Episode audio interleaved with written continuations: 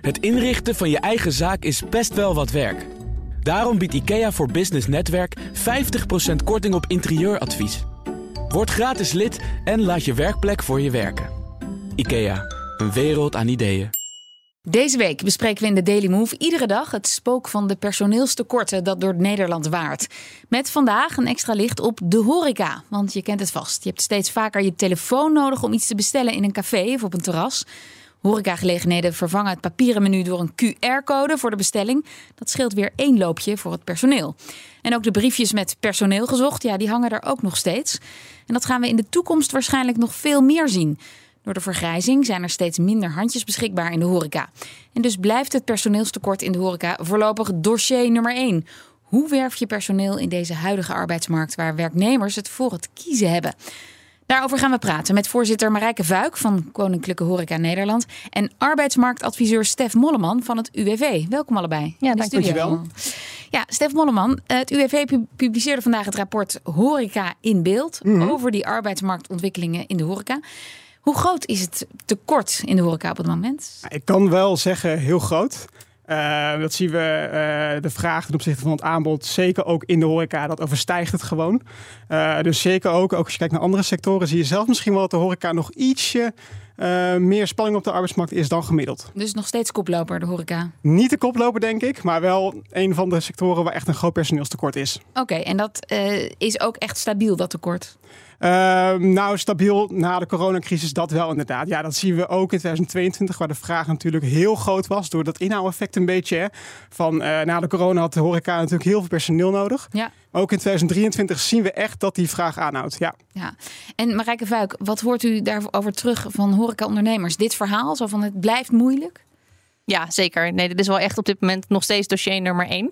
Ehm, belangrijk wel is, we gaan het ook niet oplossen. Want eh, nou, je noemde het net zelf al, de vergrijzing. Dat is wel echt heel belangrijk om daar ook gewoon ehm, wel bij stil te staan. Want we kampen met een enorme vergrijzing. Mhm. Eh, er zijn steeds minder jongeren. En voor een sector die zwaar steunt op jongeren, ja, merken we dat natuurlijk direct. Ja, dus dat, dat is gewoon probleem nummer één. En ik, jongeren, dat zijn dus ook vaak studenten, hè, die doen het als baan erbij. Die studeren op een gegeven moment af en denken dan, ja, nu heb ik geen tijd meer voor die baan extra. Dat kan. Ja, er zijn natuurlijk eh, grote groepen die in de horeca werken als eh, bijbaan.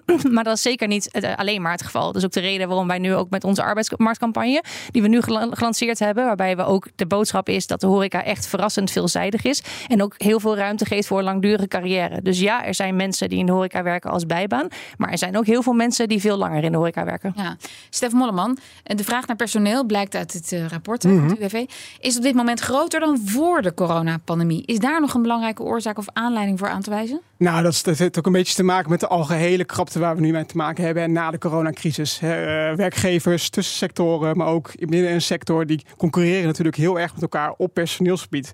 En dat zie je door die concurrentie dat ook de krapte in de horeca heel hoog is. Ja, maar goed, dat was voor de coronapandemie niet anders, denk ik. Dat sectoren concurreerden.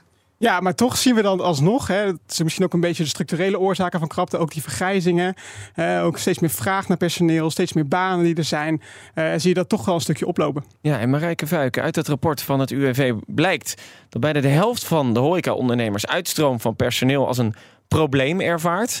Eh, maar jullie hebben ook een plan van hoe je dat dan weer kan voorkomen, toch, hè, als ondernemer? Nou, ten eerste, we gaan het probleem van de krapte op de arbeidsmarkt gaan wij niet oplossen. Nee. Laat dat even heel, dat, dat moet even heel duidelijk zijn, want dat heeft te maken voornamelijk met de vergrijzing.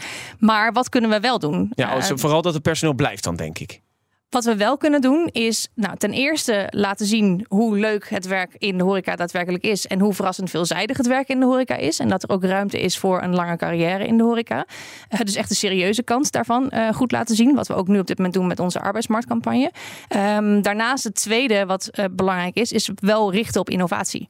Ehm, want tekort aan handen dat blijft. Dus wat kan je doen zonder dat het eh, ten koste gaat van de beleving van gasvrijheid ehm, op gebied van innovatie of automatiseren, waardoor het werkbaar is met minder personeel. Dat is iets wat natuurlijk een hele belangrijke factor gaat Heb zijn. je dan een voorbeeld? Een robot die me cola kon brengen, bijvoorbeeld? Ja, dat zou, het zou heel leuk zijn. Nee. die zijn er al. Er Ja, zijn al van die dus- treetjes die zelf aankomen eh, rijden met borden erop.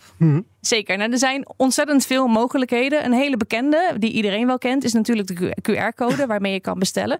En ook dat hoeft niet per se te betekenen dat mensen eh, minder. ehm, mindere beleving ervaren. Want als je het op een andere manier inricht, en het, het is echt niet overal inzetbaar, maar waar het wel inzetbaar is, als je het op een andere manier je personeel inzet, waardoor er voldoende contact is met de gasten, dan kan dit een uitkomst bieden. Maar goed, dat, dat andere contact met de gasten moet dan wel minder tijd kosten. Want anders heb je hetzelfde probleem. Ja, dat klopt. En hoe dan? Uh, door bijvoorbeeld iemand te laten rondlopen die advies kan geven. Uh, door iemand bij de deur te hebben die mensen verwelkomt. Er zijn ontzettend veel mogelijkheden. Maar dit spitst zich dan puur op die QR-code, want iedereen dat voorbeeld kent. Maar het, kan, het is veel breder. Het kan ook uh, apparatuur die sneller werkt in een keuken. Het kunnen processen achter een bar. Het kan bijvoorbeeld ook artificial intelligence. Als je ChatGPT gebruikt voor het automatisch beantwoorden van reviews. Alles oh, okay, wat scheelt in tijd, waardoor ja. mensen op een andere manier inzetbaar zijn, dat kan natuurlijk ja. allemaal meehelpen. En, en ziet u dat al gebeuren bij ondernemers? Zeker, ondernemers zijn hier ontzettend mee bezig. En dat is en die ook. QR-code, die ken ik. Maar bijvoorbeeld ook met ChatGPT of uh, andere zaken. Ja, ook dat. Ook daar krijgen we veel signalen van ondernemers dat ze daar wel echt serieus mee bezig zijn. Oké. Okay.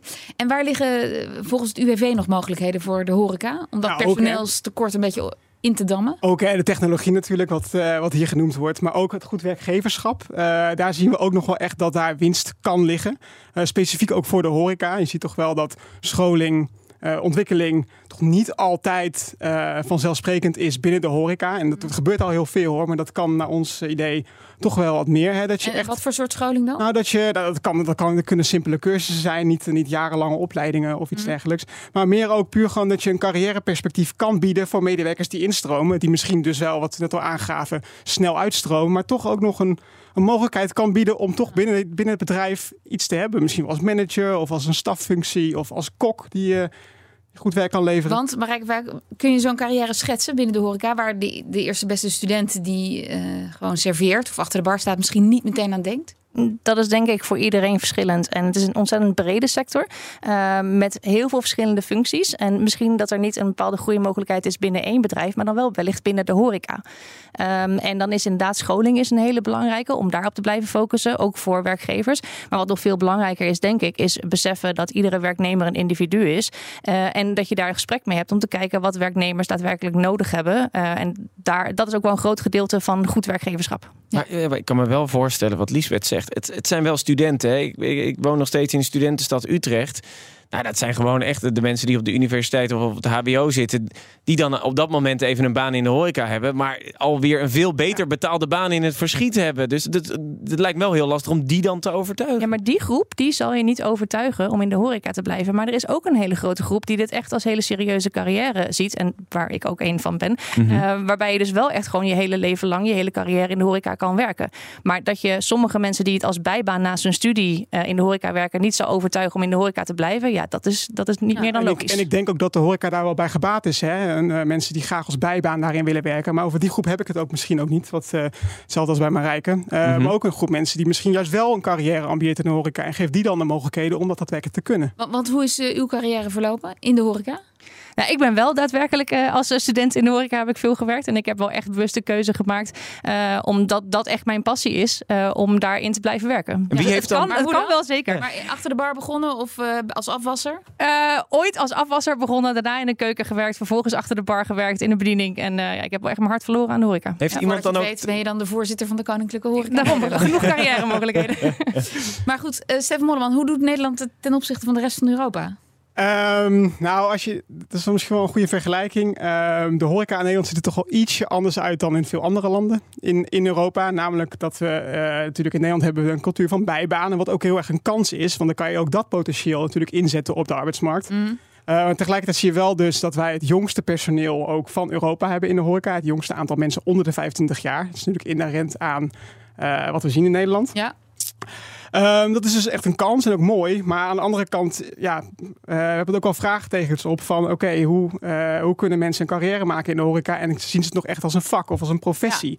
Ja, ja want dat en, is het bekende verhaal. Als je in Italië, ja. Frankrijk uit eten gaat, daar is uh, ober zijn echt een vak, een ambacht. Mensen leggen daar eer in. Ja, en ik denk in Nederland ook wel. Maar als je ook bijvoorbeeld ziet dat het aantal studenten... ook best wel is afgenomen de afgelopen jaren. En ook door corona, maar ook... In de horeca? Uh, nou, uh, ja, die een opleiding hebben, uh, een horecaopleiding doen en dan uiteindelijk doorstromen in de horeca, dat aantal dat neemt af. Ja. Dus dat soort dingen, dat zegt wel van, nou ja, dan zou je daar wel moeten denken aan scholing. Maar Marijk Vuik, dan denk ik, ja, um, mensen die ouder zijn, meer ervaren, die dat serieuzer nemen, zo'n carrière, die zijn ook duurder. Ja, ik wil nog heel graag even inhaken op uh, de, de leerlingen. Want inderdaad, er zijn steeds minder leerlingen voor horecaopleidingen. Maar ook dat is niet alleen bij de horecaopleidingen. Dat is, zie je over de hele linie bij heel veel verschillende opleidingen. Omdat er ook gewoon minder leerlingen zijn. Um, maar dat is wel iets waar we ook ons op focussen. Om ook aan die groep wel te laten zien hoe mooi het vak is. Dus dat is, mm. dat is er één. Maar daarnaast, die aantallen gaan nooit de jaarlijkse vacaturevraag uh, groot genoeg voor zijn. Dus daarnaast zijn wij altijd afhankelijk van zij-instromers. En die zij-instromers die daadwerkelijk misschien ook wel daarna nog kiezen voor de horeca en lang in de horeca blijven werken, die hebben ook scholing nodig. Dus het zijn en de zij-instromers die scholing nodig hebben, maar ook de leerlingenaantallen van de. Maar die zij-instromers zijn wel duurder. duurder. Niet per se. Dan een student. Nee, want als een student boven een bepaalde leeftijd is, dan heeft hij ook gewoon. Het heeft allemaal te maken met welke functie je vervult. Mm. En dat, ja, dat, dat, dat verschilt per, uh, per individu natuurlijk toch, eh, dan denk ik ook de afgelopen tijd horen we steeds vaker dat er mogelijk een faillissementsgolf zit aan te komen. Dat die dan ook vooral uit de horecabedrijven komt. Maar als ik dan zo hoor dat er zo'n groot tekort is, is het dan eigenlijk niet goed dat er gewoon een paar bedrijven over de kop gaan? Want dan is er meer personeel voor die andere bedrijven. Nee, absoluut niet. Ik zou zeggen dat elk faillissement er één te veel is. Het is natuurlijk wel een ondernemer die kopje ten onder Tuurlijk, zeker. Um, en daarbij, ja, op dit moment de cijfers laten het nog niet zien, de, de, de, de faillissementen. Uh, maar wat er niet in de cijfers meegenomen wordt, zijn de vrijwillige bedrijfsbeëindigingen bijvoorbeeld. Uh, en daar zit natuurlijk, uh, die is behoorlijk aan het stijgen. Mm -hmm. uh, en daarnaast zijn er veel meer bedrijven die op dit moment te koop staan. Dus zitten daar dan ook weer kansen voor andere bedrijven die zien: hé, hey, dit bedrijf stopt. Ik moet dat personeel eigenlijk eens gaan benaderen. Nou, die link denk ik niet. Um, dat ik... is niet onderdeel van jullie campagne. Absoluut nee, ik snap niet. dat het niet onderdeel is van de campagne. Maar je moet in oplossingen denken soms als ondernemer. Hè? Nee, en nee, vaak is het natuurlijk wel zo als een bedrijf verkocht wordt... dat het verkocht wordt met personeel. Oh, dus, okay, uh, dus, ja. dus, nee, nee, dat, dat, uh, dat is niet aan de hand. We gaan uh, aan personeel denken als we een QR-code weer scannen op het terras deze zomer. Dank jullie wel. Voorzitter Marijke Vuik van Koninklijke Horeca Nederland... en arbeidsmarktadviseur Stef Molleman van het UWV. Het inrichten van je eigen zaak is best wel wat werk. Daarom biedt IKEA voor Business Netwerk 50% korting op interieuradvies. Word gratis lid en laat je werkplek voor je werken. IKEA, een wereld aan ideeën.